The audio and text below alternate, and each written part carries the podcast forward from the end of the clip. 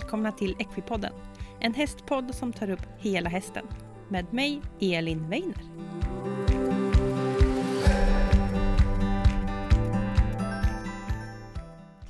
Äntligen onsdag och ett nytt avsnitt av Equipodden ligger nu ute.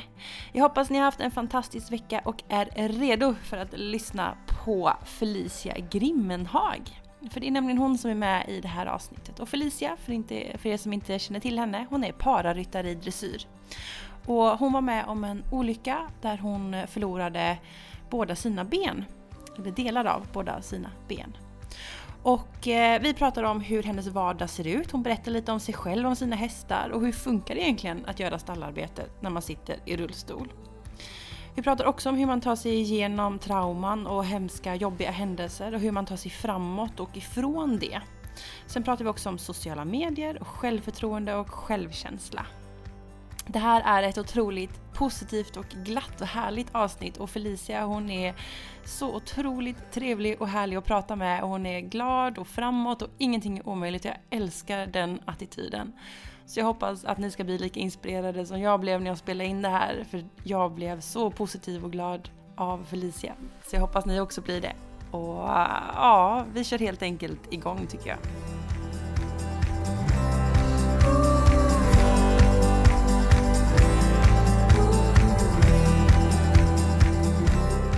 Då säger jag hej och välkommen till Felicia Grimmenhag. Hej! Hej! Hur är allt med dig idag? Jo men det är bra med mig. Det var en eh, väldigt eh, vad ska jag, lång vecka förra veckan men nu är det en lugnare vecka den här veckan och det känns väldigt skönt. ja, skönt. Hur är det med dig? Det är bra tack. Man får ha lite fullbokade perioder och sen lite lugna perioder så man kan hinna återhämta sig. Ja men så är det Och superkul att du vill vara med i eh, Equipodden. Eh, och för er lyssnare som inte hör, vet vem Felicia är så är du pararyttare i dressyr, eller hur? Yes, det är jag. Superspännande. Och jag tänkte att du kunde få börja lite och berätta om vem du är och vad du gör och varför du är pararyttare, kan man säga så kanske? Ja, ja absolut. Eh, jo, men som sagt, jag heter Felicia Grimmenhag, är 27 år gammal och eh, jag har hållit på med paradressyr de senaste sju åren, tror jag det är nu. Och eh, det var ju en bana som kom sig, inte riktigt att jag kanske tänkte att jag skulle ta den för sju år sedan. Utan det är så att jag är gammal ridskoleryttare eh, och red i många år när jag var yngre så. Och sen när jag kom upp i tonåren så slutade jag rida. Och sen när jag var 17 så var jag med i en väldigt allvarlig trafikolycka som eh, ja, eh, gjorde att jag fick väldigt mycket skador och den mest tydliga eller största skadan var ju då att jag fick amputera båda mina ben ovanför knäna. Mm. Eh, och det slutade då med att ja, jag hamnade i rullstol. Och um, det var ju väldigt lång återhämtning efter, väldigt tuff period att skada sig i. Men sen så fick jag för mig att när jag låg på sjukhuset att ja men nu ska jag rida igen. Och jag träffade min bästa kompis mamma som heter Marie. Och eh, vi pratade lite på sjukhuset och vi kom fram till att ja, men det borde gå att rida utan ben. Så ni det borde gå. ja, det borde gå utan ben. Ja. Eh, så vi åkte ut till stallet nio veckor efter olyckan och tanken var att jag skulle borsta lite på hästen och mina syskon skulle rida lite på hennes häst. Eh, som då hette Miriam och ja, var lite äldre, stor, världens finaste och när jag såg dem rida runt på henne där i paddocken så blev jag så avundsjuk. Så då bara vände jag mig till alla andra och sa att jag ska upp på hästen. Och jag tror att alla blev lite stressade, lite nervösa och hoppades väl att jag skämtade fast det gjorde jag inte. Eh, så min pappa lyfte upp mig på hästen och det gick en person på varje sida och det gick en person och ledde och jag tror att alla var livrädda och jag var livrädd samtidigt som det var så här shit jag sitter på hästen igen. Och jag tror till och med att hästen kände att det är inte någon idé att göra någonting. och det var riktigt häftigt. Ehm, men jag tänkte inte då när jag satt där på hästen att Åh, nu, jag ska tävla i Paralympicsen eller jag ska ha mål att tävla där eller VM eller EM. Ehm, men det var där någonstans det föddes att jag kom tillbaka på hästryggen. Mm, mm. Gud vad häftigt ändå, så himla inspirerande och motiverande liksom. Och jag kan se framför mig liksom inkapslat den här hästen och alla står och håller andan liksom och går runt. Ja, ja verkligen. Hästen bara smög fram. jag ska gå så försiktigt i hela mitt liv. Vad roligt. Och som sagt, det var 17 när du var med i den här olyckan och det är en väldigt känslig period som du sa. Mm. Det är ju ändå väldigt tufft att gå igenom och ganska snabbt tillbaka till stallet. Kan du berätta lite om den liksom, tankarna som var då och, och vägen framåt utifrån att du var på sjukhuset? Liksom? Ja, eh, det var så när jag låg på sjukhuset så det var ju verkligen så att jag kunde inte göra någonting själv när jag vaknade eh, efter, jag hade, ja, men efter olyckan. Och det, det, allting började med att jag skulle kunna äta själv, jag skulle kunna vända mig själv i sängen. Jag hade bandage från både armar och ben så det var ju så här, mm. man hade inte de bästa förutsättningarna men det, någonstans blev det så att man hela tiden satte upp små mål för vad man skulle klara av. Och sen satte jag några stora mål när jag låg på sjukhuset och eh, ett av dem var ju då att jag skulle rida. Och ett annat var att jag skulle börja skolan igen till hösten. Mm. Um, och jag kommer ihåg när jag sa till alla att jag ska börja skolan igen till hösten. För jag tänkte så här om man är med i en sån här olycka att man, det kommer ta kanske bara några månader att återhämta sig. Uh, det tar betydligt längre tid uh, mm. kan jag säga. Men jag sa det och alla typ, inte skrattade åt mig men jag tror att alla var såhär, nej men nu får du ta ett sabbatsår. Men jag var såhär, nej jag ska börja skolan och så började jag skolan. Um, och det var bland det bästa valen jag tror jag har gjort i mitt liv. Eh, därför att för mig var det så viktigt att komma tillbaka till rutiner, komma tillbaka till vänner. Sen sov jag igenom halva terminen, eller första terminen skulle man säga, tillbaka i skolan. Mm. Men det är så lite grann jag är, att när jag väl har bestämt mig att jag ska någonting, då gör jag det. Och jag gör det ända till slutet mm. ungefär. Mm. Eh, och det vart väl så lite grann med hästarna också. De eskalerade det väldigt mycket.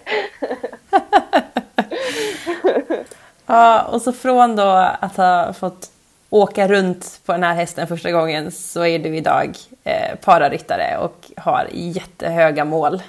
Ja. Eh, vill du berätta lite om din satsning? Eh, ja, alltså det är ju väldigt häftigt hur en satsning har växt fram ur det här. För det började nästan med att jag sa att jag skulle vara med i Paralympics innan jag egentligen hade en egen häst. Eh, jag var nog ganska naiv på den tiden. Men det som ändå var lite roligt i allt det, det var att jag fick uppmärksamhet och då var det folk som helt plötsligt började intressera sig för mig. Eh, och på det kunde jag sedan bygga en satsning kring sponsorer, hästägare, eh, en organisation runt omkring. Mm. Vilket har varit väldigt häftigt. Och Marie då som var med mig där första gången och träffade mig på sjukhuset, hon är ju med fortfarande och hon tänkte nog inte heller att det skulle komma till den här nivån. Hon är så här rektor, 55 år gammal och nu är plötsligt så är hon med i det här. Men det är lite kul faktiskt. Och det är hon som hänger med både på tävlingar men som också hjälper till i stallet och eh, ser till att allt funkar där och är med mig när jag rider, följer med på träningar. Nej, men det är en sån här riktig eldsjäl och jag skulle nog säga att hon är en av de absolut viktigaste, eller är nog den viktigaste byggstenen i min satsning. Eh, därför att utan henne hade jag nog inte... Frågan är ifall jag ens hade haft en egen häst då. Mm, eh, mm. Eh, så att det är ganska häftigt faktiskt. Det låter ju fantastiskt, vilken tur att, att ni kom ihop på det sättet då. Mm, verkligen. Vi brukar ibland skämta om att hon är min stallmamma och jag är den här dottern som hon aldrig fick som var intresserad av hästar. jag förstår. Ja. Och um, jag tänker så här, um, du sitter i rullstol idag mm. Eh, och eh, lever livet därifrån. Och hur ser det ut när du är i stallet? Eh, det måste ju vara lite svårare än med ben kan jag tänka mig. Ja, ja men så är det ju definitivt. Och jag får ju mycket hjälp med att fixa stallet. Jag kan i princip göra allting i stallet. Så här, mocka, fixa hö, påsar, ta in hästar ur hagen. Även fast det ofta är väldigt eh, svårt, speciellt på vintern och när det är väldigt mycket lera och sånt där. Mm. Um, i, så i praktiken så kan jag göra det mesta själv. Men jag har väldigt tur så att jag inte behöver göra det och istället kan fokusera på att rida. Eh, därför att det tar ju väldigt mycket längre tid för mig att göra allt det här eh, och mer energi. Mm. Och eh, sen så har jag alltid till exempel en person med mig när jag rider eh, och det har att göra helt av säkerhetsskäl. För i praktiken kan jag ta mig, eh, jag kan sadla hästarna, jag kan ta mig upp på hästarna, jag kan rida ut dem i, eh, på ridbanan och så men om det händer någonting så är jag ganska försvarslös eller vad man ska säga. Ja, just det. Och det är klart, egentligen så tycker jag att alla alltid ska ha med sig en person när man rider. Men jag kan ju inte bara ställa mig upp och gå ut från ridbanan utan jag behöver ju min rullstol. Mm, mm. Eh, så att allt det där blir ju, allt blir ju mer omständigt och tar ju längre tid för mig än för en normal person. Mm. Eh, så är det ju. Men um, det funkar ändå ganska bra tycker jag. Mm. Sådär, än så länge. ja, det är ju jätteintressant. Men hur, nå, alltså har du gett, ja, hur har du tränat hästarna? Liksom, att de tar ner huvudet om du ska på träns eller hur, hur når du upp och sadlar? Jag tänker, du har ju ganska stora hästar. Ja, ja men precis. Eh, det är så här, man får hela tiden jobba konsekvent med hästarna. Ehm, och det är så många som ofta nämner när jag lägger ut visat mina hästar på sociala medier att Åh, dina, så, dina hästar är så snälla och de är så här gentlemen. Så mm. Jag är så här, ja fast ni skulle sett hur det var när de kom till mig. Då var de inte så att säga snälla. Nu tror inte jag att det, jag tror inte att det finns hästar som inte är snälla så. Utan det handlar om träning bara. Eh, mm. Att de vet inte att eh, de måste sänka huvudet när jag tränsar eller sätter på grimma. Utan det är någonting man hela tiden får träna på. Och jag får göra det i princip varje dag hela tiden tills det kanske sitter och de gör allting automatiskt. Då behöver jag inte träna på det utan då är det bara där. Då är det ett beteende. Men det tar ju väldigt lång tid att automatisera saker. Mm. Mm. Ehm, och eh, jag får ju hitta på små knep sådär. Man får ju vara ganska innovativ. Ehm, som till exempel när jag skulle lära hästarna att ta ner huvudet. Då då fick jag till slut börja slänga över grimskaft över deras nackar och så fick jag sätta tryck på det. Mm. Och sen så fort de sänker så släpper man trycket. Så det blir ju som en belöning då när de sänker huvudet. Just det. Eh, och det har varit eh, jättepositivt. Så till slut så visste de ju att ja, när det gäller över tyglarna över halsen, ja men då sänker man huvudet och så sätter Felicia på tränset till exempel. Mm. Eh, och sen så brukar vi alltid ge en godisbit eller en sockerbit när de har satt på sig tränset. Och Taro han var ju så här, han älskar ju godis. han bara, sätt in bettet i munnen på mig så jag kan få mitt godis. Ja, precis. Eh, så att liksom, ja så är det ju. Och sen så får jag träna, det är ju sådana små grejer som jag också tränar på hela tiden som att hästarna ska stå stilla i gången. Jag kan inte ha hästar som håller på och springer fram och tillbaka. Vi har ganska stora gångar för vi står i ett gammalt travstall. Mm. Eh, så jag får liksom hela tiden träna på att de inte håller på att flytta på sig att de, och att de har koll på mig. Mm. Um, för det kan ibland vara så, speciellt om man har hästar som är stressade eller kanske är ovana att stå en bred gång. Då kan det bli så att de lätt börjar röra ganska mycket på sig och då får man träna dem att nu står du här tills jag säger någonting annat. Och de kan det. Det är bara ofta att det kanske har att göra med vad jag upplever osäkerhet. Eh, mm. att de kanske inte står stilla. Och till exempel nu som jag har trams som har tränat ganska mycket. Nu kan jag han, nu kan jag, när, vi, när vi har tagit in honom från ridbanan, ursäkta.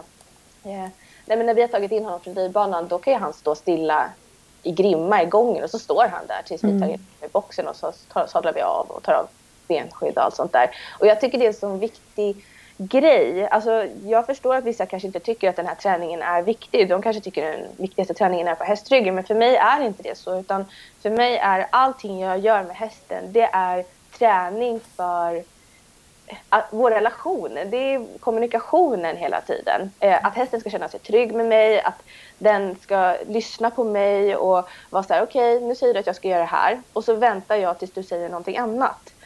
Eh, och det är samma sak med till exempel, man kan, jag kan känna det ibland när jag har fått hem hästar och så ska jag träna på att sitta upp på dem och många hästar har svårt att stå still vid uppsittning. Mm. Eh, och det är jätteproblematiskt för mig för jag behöver hästar som kan stå stilla i minst en minut innan, ofta för att jag ska upp och sen ska jag sätta på mina benband och sen ska vi kolla sadeljord och ja men du vet allt sånt där. Jag måste ha hästar som kan göra det och de ska ju stå still egentligen tills man säger någonting annat. Men det är inte viktigt kanske i andras ögon den typen av träning men i slutändan så är det ändå en viktig pusselbit i all den här kommunikationen kan jag känna. Mm, mm. Eh, så att det, allting är ju träning, men det är också något som jag tycker är så otroligt roligt. Att man hela tiden är med sin häst.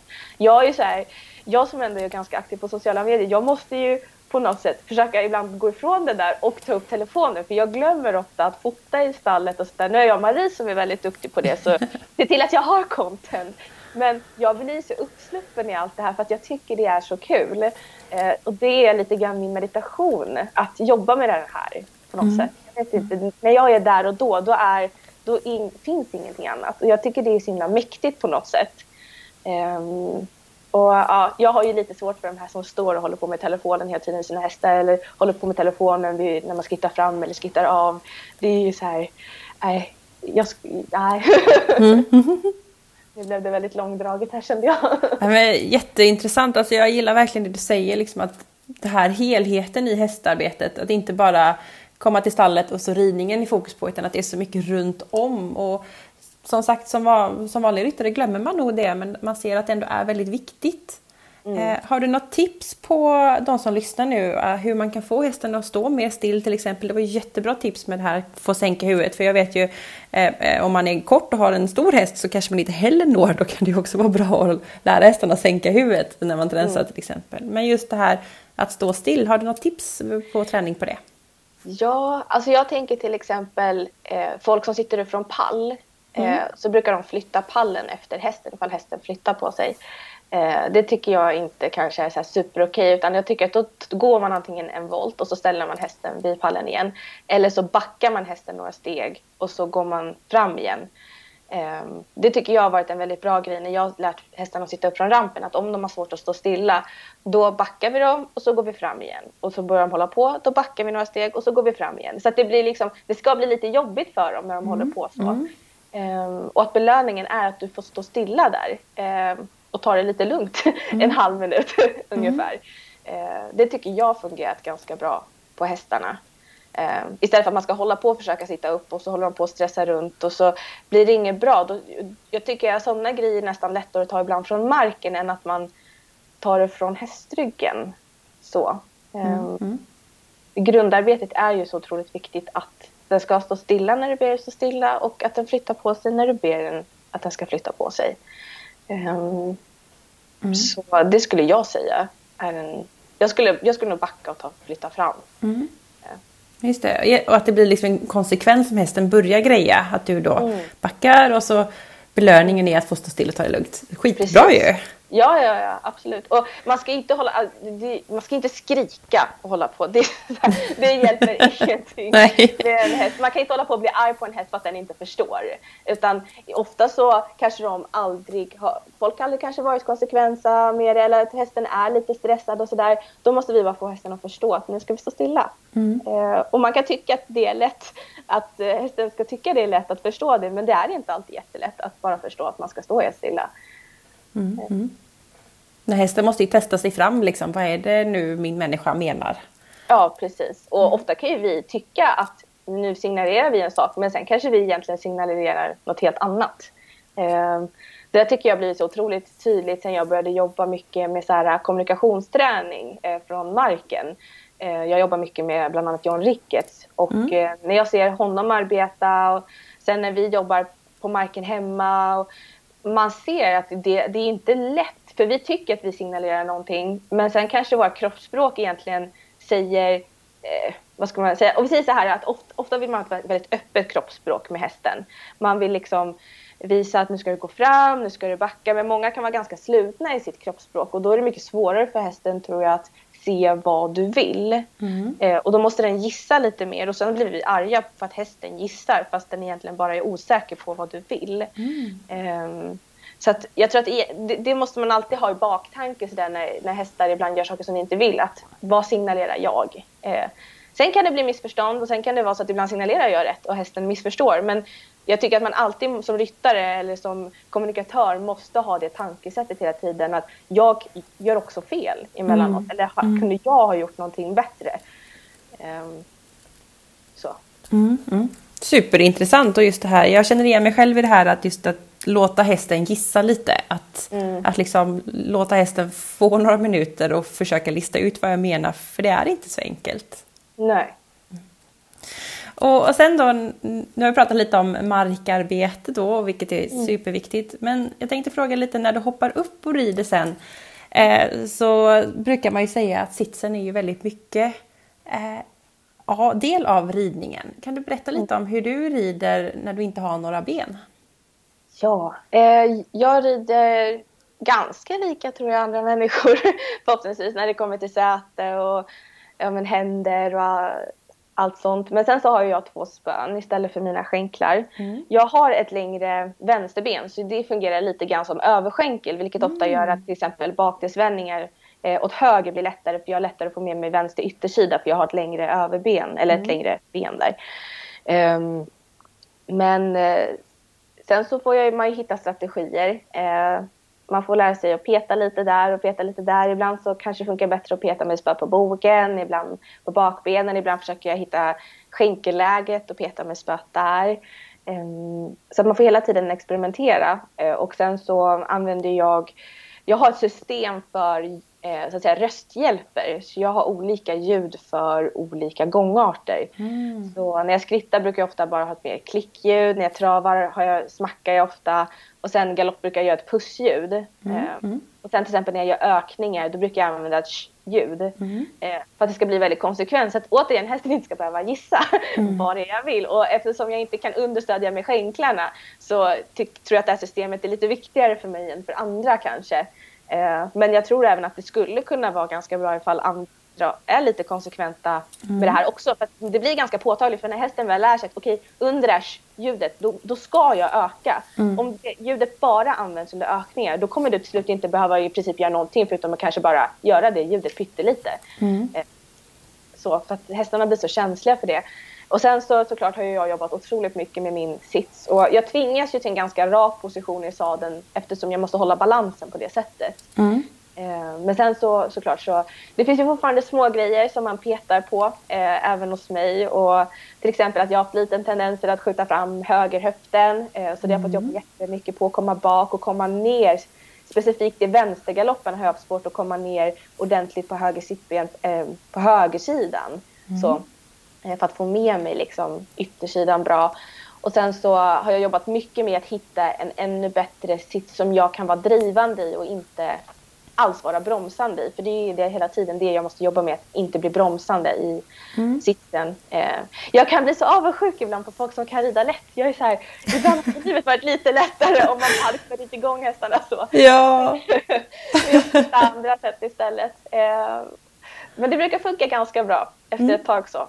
Eh, men det är så häftigt tycker jag för att jag fick ganska mycket beröm för min sits för många år sedan. Så där. Men nu när jag ser tillbaka så kan jag verkligen se att nej, den var inte alls bra i jämförelse med hur jag sitter och jobbar med mina magmuskler nu till exempel. Mm. Ehm, det är väldigt häftigt hur mycket man kan utvecklas hela tiden i sitsen. Verkligen, verkligen. Alltid utveckling, det är det som är det bästa. Ja, ja men verkligen. Och man får aldrig någonsin nöja sig, tror jag. Nej, precis.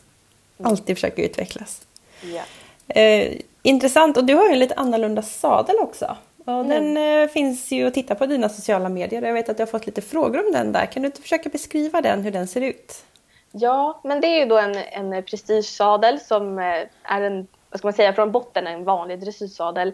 Men sen så har de gjort så att de har satt ett handtag på framsidan, ett ganska stort handtag.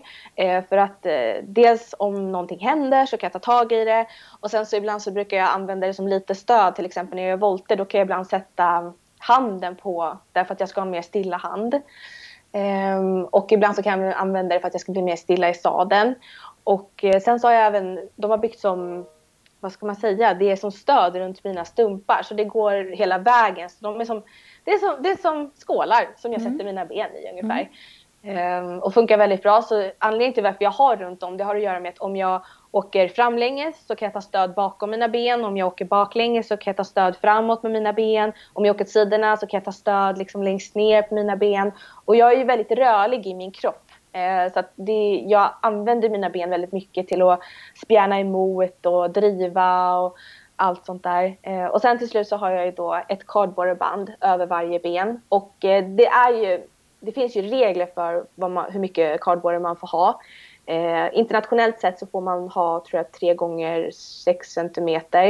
Eh, men jag, problemet för mig har varit att eftersom jag är amputerad eh, och inte kanske förlamad så många som har de här kardborrebanden så har de här gjort att jag blir väldigt mycket mer aktiv i sadeln vilket gör att jag rör mig ofta mer i sadeln eh, och jag har inte de här benen som tynger ner mig i sadeln.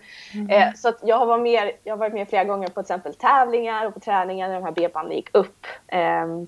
Så vi gjorde så att vi sökte dispens 2017 för att jag skulle få lite mer kardborre så nu har jag 5 gånger 8 centimeter tror jag. Ehm, så det funkar bra men de går fortfarande upp ifall någonting händer. Ehm, men jag behöver inte vara rädd för att de ska gå upp eh, på tävling, mm. vilket är väldigt skönt. Eh, sen finns det så här, det är så intressant för att jag vet att det är många som, jag tror att folk som kanske inte har koll, de ifrågasätter ju kanske ibland ifall det är lämpligt att ha så. De tror nog att jag sitter mer fast i sadeln än vad jag gör. Mm. Ehm, Men jag sitter faktiskt inte så fast. Jag trillade av senast för bara några veckor så folk behöver inte oroa sig. Ja, just det, att du ska fastna. Och sen ibland så kan jag åka ur dem där också. Mm. Jag, det är inte alltid att de behöver gå upp utan jag kan bara åka ur dem också. Så att, uh, säkerhetstänket först, men det är viktigt. Det finns ju restriktioner av en anledning för att det ska ju vara säkerhet. Man kan inte sitta hur fast i sadeln som helst. Nej, eh, precis. om det händer någonting. Mm. Säkerheten först. Exakt.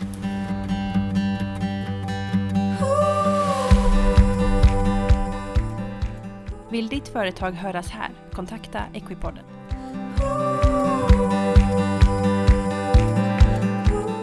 Alltså jag slås av din ödmjukhet och din, alltså din glädje. Och eh, när, när jag lyssnar lite så tänker jag så här, åh gud det här jag tyckte var lite jobbigt. Men du verkar så himla positiv. Och det, det slås jag verkligen av. Och jag tänkte att vi skulle gå vidare lite och prata just om det här att från att ha varit med om en väldigt traumatisk händelse och jag tänker att man måste kanske inte ha varit med om en sån olycka. Du har varit med om där man har förlorat ben eller man kanske förlorar en arm eller vad som helst men det kan ju vara också en mental traumatisk händelse att man är med om en läskig avramling eller en jobbig situation. Eh, Eh, och du har ju verkligen tagit dig framåt ur det och hittat en sån glädje och positivitet i allting. Hur, kan du berätta lite om, om hur du har tagit dig igenom och vad du kan ge för tips till lyssnare som har gått igenom något traumatiskt? Ja, eh, jag tror för det första så måste man alltid förstå att allas erfarenheter är olika. Eh, så bara till exempel för att eh, jag har varit med i en olycka, någon annan har varit med om en så att säga mindre olycka eller kanske mindre omfattande så betyder inte det att det är mindre traumatiskt på något sätt för den personen. Mm. Eh, och alla påverkas olika av sådana här grejer. Och jag tror att jag har haft, eh, vad ska man säga, förmånen att haft väldigt mycket naturligt i mig. Att jag har alltid varit en ganska driven tjej, en ganska målinriktad tjej. Eh, inte att jag kanske egentligen haft klara mål under min uppväxt, men jag har alltid varit som jag sa innan, jag slutför någonting när jag väl har tagit tag i något. Um, och jag tror också en stor tacksamhet till varför jag till exempel har klarat mig igenom sånt här. Det är för att mina föräldrar uppfostrar mig till att alltid bli en problemlösare eh, mm. i min vardag. Och eh, ända sedan jag var liten och har satt mig i olika situationer som jag måste lösa. Då är det ofta som mina föräldrar har ställt mig frågan, men hur ska du lösa det här nu? Um, och det är jag så otroligt tacksam över för jag tror det har gjort att jag jag har sett ganska mycket möjligheter. Det har inte varit så mycket allting jag inte kanske längre kan göra eller så, utan man ser möjligheter. Och sen har jag också varit sån här, jag kan tycka att någonting är skitjobbigt där och då, är väldigt emotionell, väldigt kanske i affekt i just den situationen eller i det momentet. Men sen, sen så släpper jag saker extremt fort. Ehm, det, det är som till exempel med min olycka, att jag det var skitjobbigt där och då. Och det mm. har kommit perioder såklart när det var, har varit ganska jobbigt. Men jag kan inte sitta och på och älta det som har varit eller det som jag kunde göra förut som jag inte längre kan göra. Utan nu måste jag göra det bästa av situationen och lösa det jag gör nu. Mm. Um, och jag tror att det är det som man ibland måste tänka när man kanske går igenom tuffa grejer. Att ja, det är skitjobbigt. Det var jättejobbigt. Men nu ska vi lösa det. Nu ska vi gå vidare och gå framåt.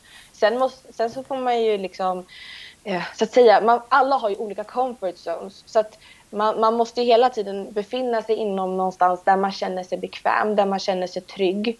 Um, och sen så får, får, man ju liksom utarbeta eller arbeta utifrån det, tänker jag. Um, men jag tror att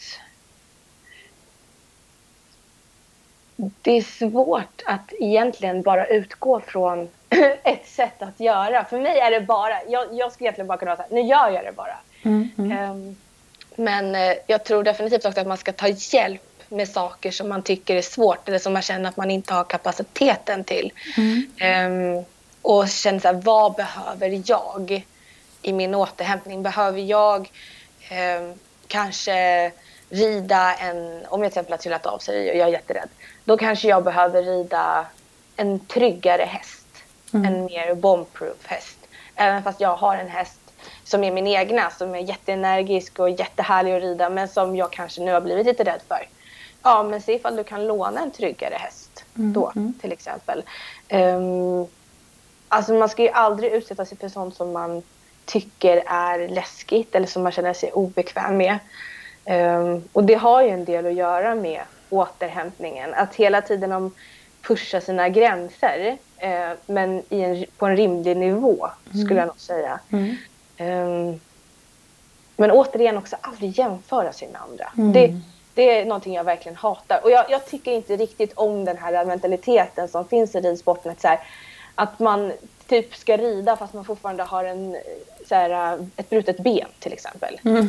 Eh, alltså, jag tycker den är lite konstig den mentaliteten. För jag är så här, hur ska du kunna rida ordentligt sen ifall du inte låter din kropp återhämta dig helt? Du skulle aldrig sätta upp någon på en häst som har haft en skada eh, och så håller den på att rehabiliteras. Då skulle inte du sätta upp och rida på den om inte du har blivit ordinerad att du skulle rida den. Mm. Om den nu bara ska gå och skrittas för hand i en månad, då skulle inte du hålla på att sitta upp och rida runt på den. Mm. Eh, för då kommer den inte bli lika bra någonsin som den har varit förut. Och det är samma sak med dig själv som, som individ, att du måste också låta dig själv återhämta dig. Och sen oavsett om det är fysiskt eller psykiskt, Eh, det, det kan ju du själv bara avgöra men någonstans måste vi också förstå att om vi ska jobba med sådana individer som är väldigt känsliga och som liksom tar så mycket energi och som kräver ganska mycket av oss, då måste vi vara det bästa vi kan vara. Och om vi inte är det, då tycker inte jag att det är riktigt schysst till mm. exempel mm. Eh, mot hästen. Eller egentligen oavsett vad det har att göra med. Att för att vi ska kunna jobba så måste vi vara det bästa vi kan vara och då måste vi se till att vi rehabiliterar oss själva på det absolut bästa sättet vi kan. Mm. Eh, och jag, jag, tror att det bästa tipset jag kan ge det är att alla är individuella och att alla är olika. Vissa de behöver återhämta sig. Ja, som jag, jag, jag började skolan efter två månader och red efter nio veckor och allt sånt där. Och det är säkert jättebeundransvärt men för en annan person hade det inte varit det bästa. Mm. Um, så det tror jag är väldigt viktigt att komma ihåg på något sätt. Mm, mm. Verkligen. Det är så lätt att skynda på ibland. Eh, mm. Och det är ju nog inte bäst för alla, precis som du säger. Nej. Jätteintressant. Ehm, jag tänkte att vi kunde ta avstamp lite i det som alltid har sagt här och, och koppla lite till det här med målsättningar. För jag, du har nämnt flera gånger att du sätter upp mål och målsättningar både stora och små. Eh, och liksom till och med på sjukhuset, liksom det första målet var att kunna äta själv och, och sen så var ett långsiktigt mål att börja skolan och sådär. Hur mm. viktiga är mål för dig? Eh, men jag tror mål är ganska viktiga för det att jag känner att jag har uppnått någonting. Man får en känsla av accomplishment. Mm, precis. eh, det tror jag är väldigt viktigt. Eh, sen så får man ju hela tiden förstå att mål är förändliga. Att någonting som kanske var ditt mål förra året kanske inte är ett mål du kan ha just nu. Mm. Eller som du kanske inte vill ha längre. Um, och sen att det finns olika typer av mål. Det finns ju mål som till exempel att jag vill rida de stora mästerskapen. Eh, jag vill rida i landslaget. Jag vill vara bland de bästa. Eh, men sen tävlar jag väldigt mycket mot mig själv eh, mm. hela tiden. Att utveckla mig själv, min ridning. Eh, att hitta känslan. Mm. Eh, och känsla, jag, jag har blivit mer och mer lite så här, vad ska man säga, eh, in, jo men engagerad men också så väldigt eh, intresserad av känslomål. Mm. Eh, det är väldigt ofta man sätter upp resultatmål och det är klart man ska ha resultatmål och hur man presterar och allt sånt där. Men jag, jag tycker också att det är väldigt viktigt. Det hade jag när jag skulle rida EM i Rotterdam. Mm. Eh, då hade jag bestämt mig för att nu ska jag ha så jäkla roligt. Jag ska njuta när jag är på tävlingsbanan. För jag kan bli lite så när jag går in på tävlingsbanan att jag blir så här hyper, super fokuserad ja, på det jag gör. Eh, jag är så här, verkligen så här, nu rider vi här, okej nästa moment är det här. Så på något sätt har jag ofta glömt att njuta av att bara vara där inne på ja. tävlingsbanan och vara så här, gud vad bra det känns det här är så härligt. Och så nästan glömmer man att andas eh, när man är där inne. Um, och nej, det, var, det, är så kul också för när man sen tittar på så bilder från eh, Rotterdam, typ när jag kommer ut från tävlingsbanan. Nu ser jag ju väldigt fokuserad ut när jag rider men jag är mer i nuet, eh, i känslan så. Och när jag kommer ut från tävlingsbanan då ser man ju det från att gå från att kanske se ganska så här arg ut, fokuserad ut när jag kommer ut från tävlingsbanan så är det så här, då kommer jag ut med stort leende och man är, här, man är kollar alla runt omkring, vinkar lite till publiken, man ger här, tummen upp till lagkamraterna. Man så här, och det är så himla kul på något sätt. Ja. Eh, då blir allting väldigt mycket roligare. Eh, och det tycker jag är ganska häftigt. Och sen så tror jag också att eh, vad som är, det som blir så bra med det också är att om man har den här känslan och känslomål att okej okay, nu ska jag gå in med en positiv attityd och nu ska det här gå så bra. Då tror jag också att på något sätt så påverkas ändå hästen i en viss utsträckning av det. Eh, för att jag tror ibland så kan man gå in på tävlingsbanan och se man fokuserad och så kan man bli så här att nu ska allting vara superperfekt och nu ska allting se jättebra ut. Att det kanske blir så att man blir spändare och då blir hästen lite spändare och så blir det lite kanske mer att man jobbar mot varandra och så istället för att kanske bara vara avslappnad och bara åh nu ska det här vara så himla kul. Nu appliceras inte det här på alla men om jag tittar på mig själv så kan jag uppleva att det har varit lite grann så. Mm. Att när jag har gått in med en lite bättre inställning och att nej nu ska det här vara jättekul. Då blir det en bättre upplevelse för både mig och hästen. Mm. Mm. Um, så istället för att bara fokusera på nu ska jag rida på över 70 procent. Det är klart, det är fortfarande ett mål. Men det finns andra mål nu som vi också vill uppnå under den här ritten. Och det var roligt att höra. Att jag, ja, ja, jag håller så med och man glömmer så ofta det här känslan. Det blir så mycket resultatmål oftast. Mm. Och, och just att ha kul. Allting är mycket roligare om man är glad. Ja men verkligen. Och det som jag också kan uppleva när man har den så attityden det är att det är så lätt, mycket lättare att ta med sig de positiva grejerna ut från tävlingsbanan så man känner att okej okay, det här ska jag uppnå nästa gång jag tävlar. Mm. Eh, för jag tror ju, jag vet att man ofta säger att man lär sig av sina misstag. Mm. Eh, men jag tror inte 100% att det är så därför att du lär dig inte vad du ska göra, du lär dig bara vad du inte ska göra. Medan när du sen uppnår de här riktigt bra grejerna, när du hittar den där riktiga wow-känslan, det är de du lär dig. För då förstår du att det är det här jag ska leta efter. Det är här jag ska vara. Mm. Okej, vad gjorde jag nu för att det blev så här bra? Mm. Det här ska jag göra nästa gång. ja, men lite grann så. Uh, ja. Mm. Ja, så himla, så himla roligt. vi ska ha roligt när vi håller på med våra hästar, det är därför vi gör det.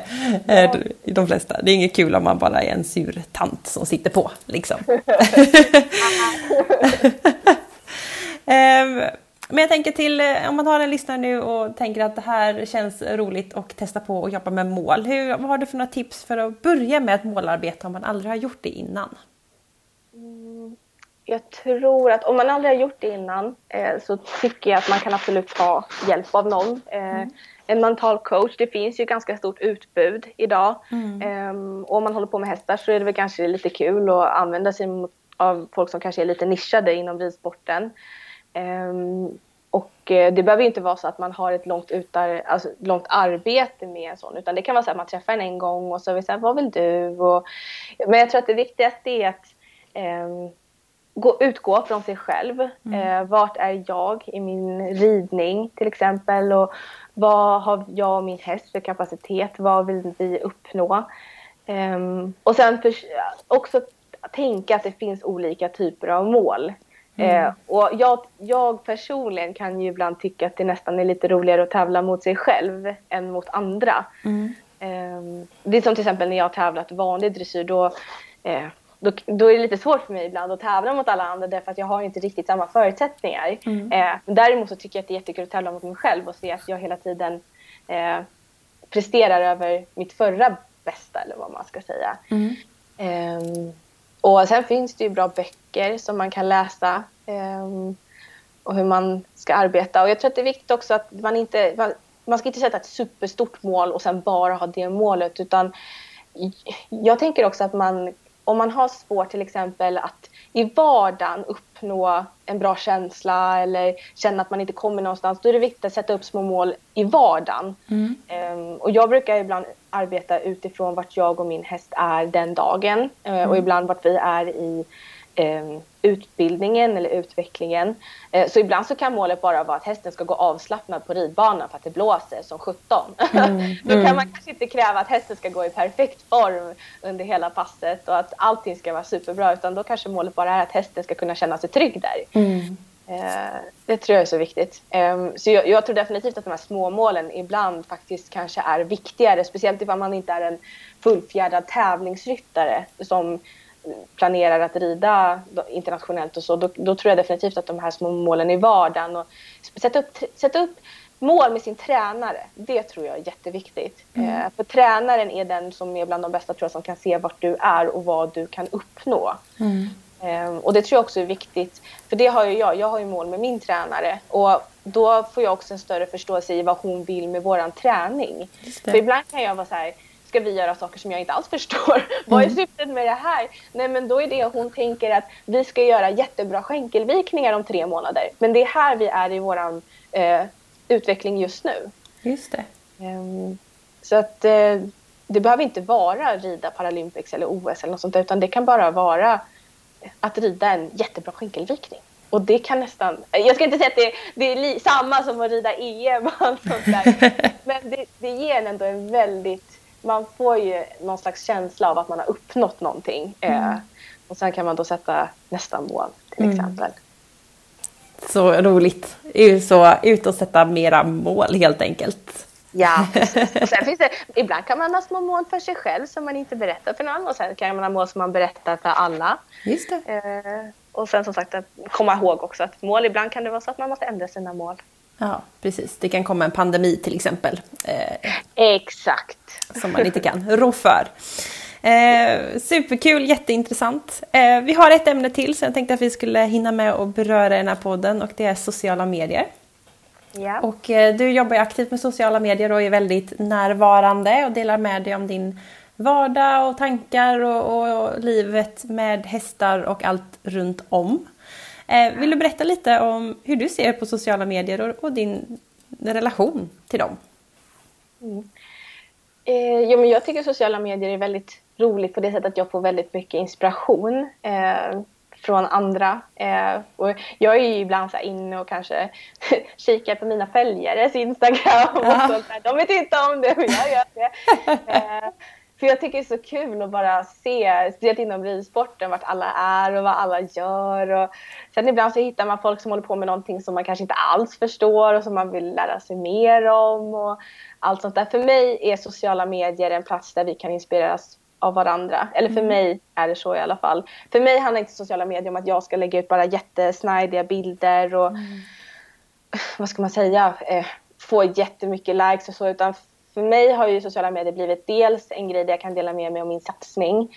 Mm. Eh, att folk kan få följa den. Men sen för mig har det också varit en grej att för när jag skadade mig så fanns det inte riktigt någon där ute som jag kände att jag kunde relatera till och kände att den här personen förstår vad jag går igenom eller eh, den har också haft det tufft i livet, liksom, mm. gått igenom en olycka. Och då tänker jag så här, då kanske jag kan vara den personen eller tjejen som sitter i rullstol som eh, jag aldrig hade som förebild. Att jag kan vara den för andra och som andra också kan se att ja, men man kan vara framgångsrik ändå fast man sitter i rullstol och kanske mm. inspireras av det. Och speciellt för andra kanske som sitter i rullstol. Eh, att det kan vara det kan vara skönt ibland. Eh, mm. Därför att det finns ju inte en jättestor, vad ska man säga, det finns ju inte jättemånga funktionshindrade kanske på sociala medier som tar jättemycket plats.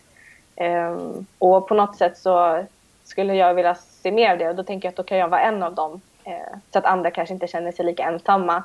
Mm. Um, och sen också till alla som har känt sig kanske annorlunda på grund av en funktionsnedsättning eller bara hur uh, man är till exempel att för mig, min plattform, det är, en, det är ett ställe där ingen dömer ingen. Mm. Eh, det gör man inte. Eh, och det handlar inte alltid om superflashiga hästar eller sådana grejer, utan det kan handla om att jag vet inte, kolla vilka snygga kläder jag har idag. Eller, ja, det, mm. ja, just det. Eh, det, jag, tror att jag tror det grundar sig egentligen i att jag vill att an, de som känner att de inte kan identifiera sig med andra, att de kanske i alla fall kan identifiera sig med mig. Eh, sen har sociala medier blivit mycket mer än så. Eh, och sen också att jag kan inspireras av andra väldigt mycket. Det tycker jag är jättekul att hitta. Sen tycker jag att det är väldigt tråkigt med allt hat och sånt som sker eh, mm. på sociala medier och att det ska vara på vissa sätt och det är lätt att man bara dömer andra och det tycker jag bara är skittöntigt. Mm. Ja. ja, det är många som hamnar lite i de situationerna att just sociala medier är stress och press så jag måste se ut på ett visst sätt och jag måste ha de här kläderna eller jag måste ha en sån här typ av häst jag kan bara visa de här sakerna annars blir jag utsatt liksom. Mm. Eh, vad har du för tankar kring liksom att våga sticka ut lite och våga vara den här positiva och, och känn, liksom, förmedla positiva känslor på sociala medier? Um, jag tror definitivt för det första omge sig eh, på sociala medier av folk som är så. Um, jag vet att många ibland kan vara så här att de känner en press över hur de ska se ut eller om som du sa kläder och så. Men följ inte sådana konton mm. då i så fall. Um, jag vet att jag har haft så här tjejkompisar som följer så här, ja men konton där det så här, allt ska vara så här super stylish och man ska mm. vara smal och det är så här, jag vet inte, det, det, det är någon slags så här plats eller vad ska man säga? Det, det, är som att folk tror att det, allt ska vara så perfekt hela tiden och att det är perfekt för de här personerna på sociala medierna. Fast det är bara deras sociala medier, det är inte deras liv egentligen. Fast folk blir så påverkade för på något sätt så tror ändå folk att det är så perfekt hela tiden. Mm. Um, för mig är det så här, jag följer folk som jag tycker är intressanta, som jag inspireras av, som jag känner har en schysst approach uh, gentemot andra människor. Um, och de andra personerna, de behöver man inte ha. Nej, precis. Tänker jag i så fall. Uh, mm. Så att, uh, ja, det, det, är svårt det där. Mm. Jag tycker det, det, det, det, det, det är jobbigt att höra om så här, speciellt yngre personer som blir väldigt påverkade uh, av sociala medier. Jag vet ju så här tjejer som inte ens vågar lägga ut så bilder som är tagna på ett visst sätt därför att där har de inte hälarna nere när de rider hästen eller de är inte helt raka i ryggen eller ja men det är sådana här grejer för då kan de liksom bli påhoppade för det. Mm. Mm. Um, och det tycker jag bara är så himla, jag tycker det är bara jätteabsurt. Mm. Jättekonstigt. Ja, det är jättetråkigt. Jag håller verkligen med eh, om det och ja, våga följa av de som ger dig negativ energi helt enkelt. Ja, men lite grann så. Mm. Härligt. Eh, vi närmar oss slutet av eh, den här poddinspelningen. Eh, vi har ju fått med massor och pratat om mängder med saker. Eh, jag fick faktiskt ganska precis in en till lyssnarfråga som jag tänkte skulle vara intressant. Jag har fått några lyssnarfrågor som vi har bakat in i det vi har pratat om här idag. Men det kom faktiskt in en fråga så jag tänkte den här måste jag ju faktiskt ställa. För du är ju dressyrryttare men har du någon gång testat på att hoppa? Oh, jag har hoppat lite grann. Mm. eh, nu snackar vi så kanske 30-40 centimeter som jag har hoppat. eh, och det gjorde jag på min häst Tarot. Eh, mm. Vi hoppade och Tarot han är ju fullfjädrad dressyrhäst. Ingen av oss hade koll på så här avståndsbedömning. Eh, det blev lite hej och hå men han är jättesnäll att hoppa så det var tur det. Eh, men jag hoppar inte eh, på så här, vad ska man säga, free basis utan jag låter andra sköta det jobbet. Mm. Eh, hoppning och rida full fart på ängar, det får andra göra med mina hästar. det låter klokt faktiskt. eh, vi har, jag har ett litet tema i podden varje termin och den här terminen så har jag fokuserat lite på mental träning och mentalt mående. Eh, vi har ju varit inne lite grann på det här med eh, att ha en bra mental inställning och målsättningar och sådär. Men jag tänkte jag skulle fråga dig, hur arbetar du mentalt för att både kunna klara av att prestera på en så hög nivå som du gör men också att må bra i vardagen? Eh, jag har lärt mig att ta hjälp med de sakerna jag behöver hjälp med. Mm. Eh, så när det till exempel kommer till hästarna, om jag känner till exempel att jag hamnar på en platå med en häst och jag inte kan ta mig vidare i det och det påverkar en ju ofta psykiskt därför att mm. man klankar ju ofta ner på sig själv. Då tar jag hjälp av någon som kan hjälpa mig att få igenom någonting. Eh, på samma sätt som i vardagen så kan jag ibland så här, be om hjälp med saker som jag inte kan eh, för att jag inte fysiskt kanske kan. och sen så till exempel, jag brukar ju arbeta ibland med en, en mental coach Mm. Eh, oftast kanske väldigt, vad ska man säga, punktmarkerat eller inriktad på en specifik grej. För jag är ofta en sån att helheten, jag har ganska bra självkänsla och självförtroende i det jag gör. Men ofta så kan det uppstå problem som jag behöver hjälp med ta mm. mig igenom. Ett specifikt problem. Mm. Eh, och då jobbar jag med en mental coach. Eh, så att jag tror att man bara får... Jag tror att ibland får man liksom... Man, man är så uppslukad av att man ska göra allting själv hela tiden. Mm. Um, och att det ofta ibland kan stjälpa en ganska mycket därför att vi kan inte göra allting. Vi är inte bäst på allting. Uh, utan vi är bra ofta på vissa saker och vissa saker är vi inte alls bra på. Mm. Och då tycker jag att man ska ta hjälp med det så att man kan fokusera på det man är bra på och må bra i sig själv. Mm. Um, det tror jag är väldigt viktigt faktiskt. Mm. Det, det, tror jag också är ett väldigt bra tips, just att våga ta hjälp och det är som, precis som du sa innan här att man behöver inte känna att eh, nu ska jag ge mig in i ett jättelångt samarbete med en coach här. Det kanske är några gånger. Eller ja. som du säger att jag kommer inte igenom det här momentet med min häst. Då kanske jag kan få hjälp just med det momentet. Mm. Eh, det, det, tror jag är väldigt, väldigt nyttigt och väldigt bra. Mm. Ja, det har varit jätteintressant av med dig Felicia. Det har varit jättekul. Jag har eh, lärt mig massor och sättet att tänka. Jag blir så inspirerad av din positivitet. Jag älskar sånt som själv. Jag blir så glad av att prata med dig. Ja, men tack så mycket. Eh, jag tänkte fråga dig om man nu också lyssnar på det här och känner sig lika inspirerad som eh, jag känner mig. Hur får man kontakt med dig eller hur kan man följa dig? Eh, man kan följa mig på Instagram där jag är mest aktiv. Felicia Grimmenhag heter jag där. Eh, men sen har jag även en, Facebook-sida och sen så har jag TikTok eh, som jag inte använder jättemycket. och sen, sen så kan man mejla mig också. Jag har en infomail om man vill boka, pastor med boka grejer. Men jag finns i princip överallt så det är bara att höra av sig någonstans på alla de plattformarna. Höra av sig eller googla eller vad som helst. Exakt. Ja men du Felicia, tack så jättemycket för att du ville vara med i Equipodden. Jättekul, verkligen. Ja men tack själv.